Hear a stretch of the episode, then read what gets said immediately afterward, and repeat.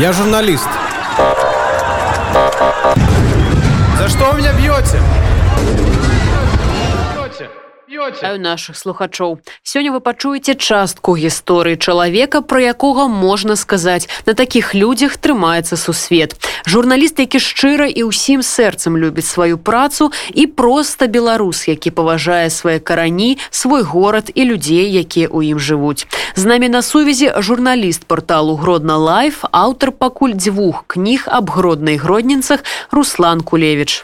Зовут меня Руслан Кулевич. В журналистике я уже около 10 лет. Э, работаю на сайте Гродно Life. Это гродненский такой крутой портал. Мы пишем о всех событиях в городе, которые происходят. Ну и у меня хобби такое есть, это история. Благодаря моему хобби я за последние три года выпустил две книги, и они вот популярные у нас в городе. Это «Воспоминания Гродницы». Я всегда писал про э, события в городе, включая политические, культурные и так далее. Давление на э, журналистов Грода началось в августе, когда вот уже эта президентская кампания уже подходила к 9 августа, и моих коллег начали задерживать в день выборов. Это вечером. Меня в тот день не задержали, я убежал. Я был на велосипеде. Меня пытались окружить на площади, но не получилось получилось.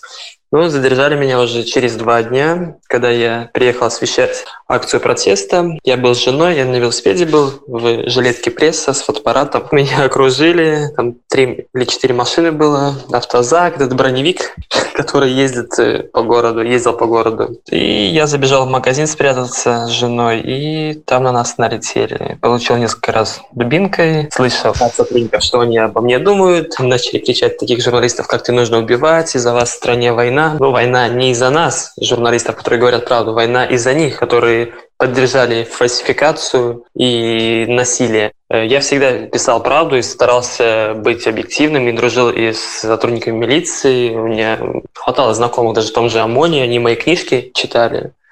Вот, ну, со мной так поступили, вытянули меня из магазина, там, где вот я прятался с женой вместе. Жена э, тоже пострадала, тоже ее там пару раз дубинкой дали. И вот нас в автозак затянули. Да, и двух сотрудников магазина взяли. Вот. Других людей, которые там прятались, никого больше не брали, только взяли от меня, жену и двух сотрудников магазина, наверное, за то, что они нас пустили. Но я считаю, что это целенаправленная была охота на меня, потому что я активный журналист. Все, завезли меня в РОВД. Когда везли, я позвонил мэру города, он мне обещал, если меня сдержит, э, чтобы... Ну, то есть он, он сказал, если тебя сдержит... Я говорю, если меня сдержит, можете посодействовать, чтобы меня выпустили? Я журналист. Такого не должно быть, чтобы журналисты вот так вот задерживали там с активистами, еще с кем-то. Я освещаю события.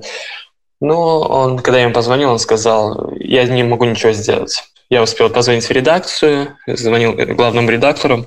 Тогда услышали они, что я по телефону разговариваю в Тазаке, и тоже пару раз ударили меня. Ну и все, завезли нас в РОВД, открыли двери, они сказали, тяните, вытягивайте помеченных. То есть я оказался помеченным, потому что я в жилетке пресса. Ну и все, меня вытянули первым, начали там руки, ноги растягивать, я уже не помню, что они там делали. То есть был такой коридор, как в Минске на Крестин или где там на Молдарского. То есть коридор, сотрудники стоят и издеваются над людьми был однозначно такой коридор, и все таки улыбаются, в масках стоят. И они там сказали стоять, я не стоял, я, мне и нога болела, мне и руки болели. И потом я видел, как они начали подкидывать э, людям вещи, мне подкинули балаклаву, бело-красно-белый флаг. И когда меня освобождали, мне это дали. Я говорю, ребята, я журналист, зачем мне идти с флагом и с балаклавой на акцию протеста? Меня закрыли там, сказали, что я кричал там, участвовал в митинги и так далее.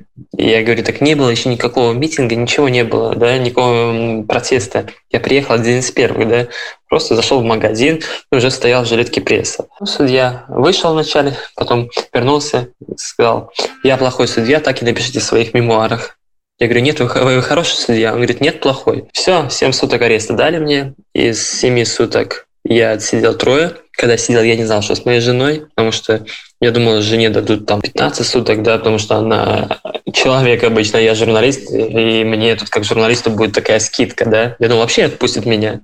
У нас дома собака была, тогда жара была. Я думал, блин, кто за собакой посмотрит? Ни звонка, ничего нельзя сделать. Мне дали сутки. Потом я уже на третий день, я узнал, что жену отпустили в ту же ночь. Она мне на третий день передала вещи мои, я уже там расплакался, потому что я не знал, что с ней. Просто расплакался от счастья, что с ней все хорошо. И она там посмотрела за собакой. И в итоге я просидел три с половиной дня. И выпустили меня. Почему выпустили, я так и не понял. Всех начали освобождать, но меня в последнюю очередь. Я уже ехал домой, смотрю, люди стоят в белом, да, с шариками, с цветами. Я еду на такси и говорю... Я вышел, то есть тюрьмы, с, с РОБД, и попросил людей незнакомых деньги на такси. Они меня узнали, дали мне деньги. Вот я вызвал такси. И вот поехал и вижу, что люди стоят, э, эти цепи солидарности, женщины, девушки молодые. Я думаю, блин, чего они стоят? Сейчас же их задержат. Он говорит, чувак, успокойся, демократия в Гродно, да? Я приехал домой, жена очень удивилась, она отдыхала, да, и спустя несколько минут там приехал мой коллега из редакции он э, хотел интервью со мной сделать. Он зашел, не позвонил, дверь открыл, собака вылетела моя. И я эту же собаку держу, он снимает меня, и я ему рассказываю, что да, я вышел, не знаю почему, рассказал, что били меня и так далее. Э, он говорит, поедешь снимать побои? Я говорю, я не знаю. Отдаю собаку жене и показываю руки опухшие. То есть потом пропагандисты начали использовать такую штуку, что я держу собаки, и как у него могут быть руки сломаны. Э, руки болели мне, да, потому что я закрывался, я закрывал голову от дубинок. И вот в тот момент, когда я давал интервью, я отдавал, собак, отдал собаку и показывал руки опухшие. А пропагандисты потом стали по телевизору использовать это видео, но обрезали этот момент, где руки показываю. И вот я дал интервью, я жене говорю, здесь неспокойно, я не могу здесь быть, надо куда-то уезжать. И, и вот мы выехали в деревню, и на утро вернулись, и я поехал снимать побои. Вот, у меня оказались переломы на двух руках, там где вот кисти, вот эти вот крючковидные кости там. Я не думал, что перелом, я думал, что будет, может, просто ушиб какой-то или что. Ну, руки заметно были опухшие, даже адвокат приходил мне, я просил адвоката, чтобы он писал вместо меня заявление, потому что я не мог писать. Мне в итоге э, сказали, ложись в больницу, потому что у тебя там э, сотрясение или что, ну что-то еще. Э, они анализы сделали, сказали, тебе лучше пять дней полежать, чтобы ты успокоился, потому что ты не в себе. И вот я пять дней лежал, и пока лежал за это время там в Гродно такие чумовые марши были. Ну, демократия наступила, то есть по 40 тысяч людей выходило, по, там, может, по 50 тысяч, то есть вышли люди за перемены. И главную роль сыграли это именно рабочие Азот, Хеволокно. То есть благодаря им, можно сказать, и меня выпустили. То есть они вышли, да, вышли в мою поддержку, когда там выступал там мэр или там начальник УВД, то рабочие спрашивали, что с Кулевичем, что вы сделали с Кулевичем, почему он в тюрьме, вы всех выпустили, а его не выпускаете. То есть, может, у них были какие-то планы на меня другие.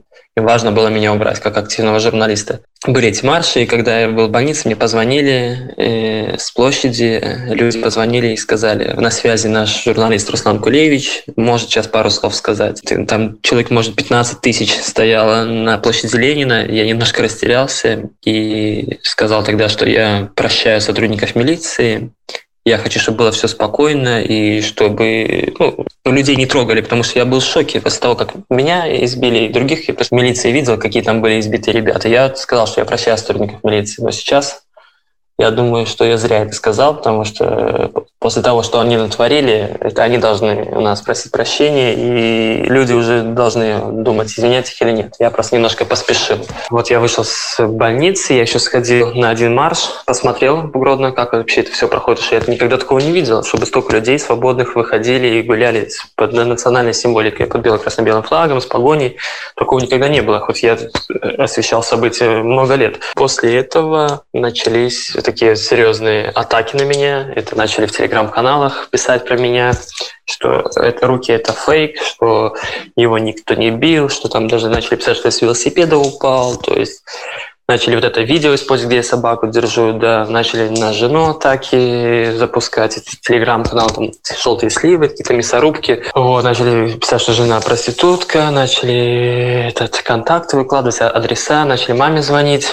Мама телефон вынуждена была выключить с работы, уволиться. Ну и это еще только цветочки были. А потом я вот выехал обратно в деревню, потому что я боялся, что меня обратно задержат. Я ничего плохого не делал, я просто пришел как журналист освещать события. И я был в деревне, сидел, прятался, и мне приходит человек мой знакомый и говорит, Руслан, тебя по телевизору показывают. Якобы они разоблачают фейки. Это был очень серьезный удар по мне. Я не ожидал, что будут меня по телевизору показывать. Показали по БТС вначале, на следующий день по ОНТ показали, через день по СТВ показали, по РТР Беларусь. То есть И каждый день они начали крутить на протяжении там двух недель. И я все это время прятался в Гродно, но потом я не мог просто выйти, потому что вот эти гипсы, это были как кандалы на мне, да, я не мог выйти в город, потому что все на меня обращали внимание, все задавали этот вопрос, да.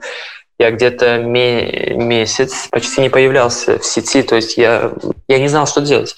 Ну и 10 сентября я выехал, выехал в Латвию Э, в Ригу на реабилитацию. Мне нужно было успокоить жену и себя тоже в первую очередь, потому что мы были мы не, не ждали, что на нас начнется такое давление. Спадзяюся, Руслан пагадзіцца прыйсці до нас гостем у нашу студыю і працягнуць сваю гісторыю. Гэта быў Руслан Кулевич, ну а я, Настазія Залеская, развітваюся з вами. Да сустрэчы.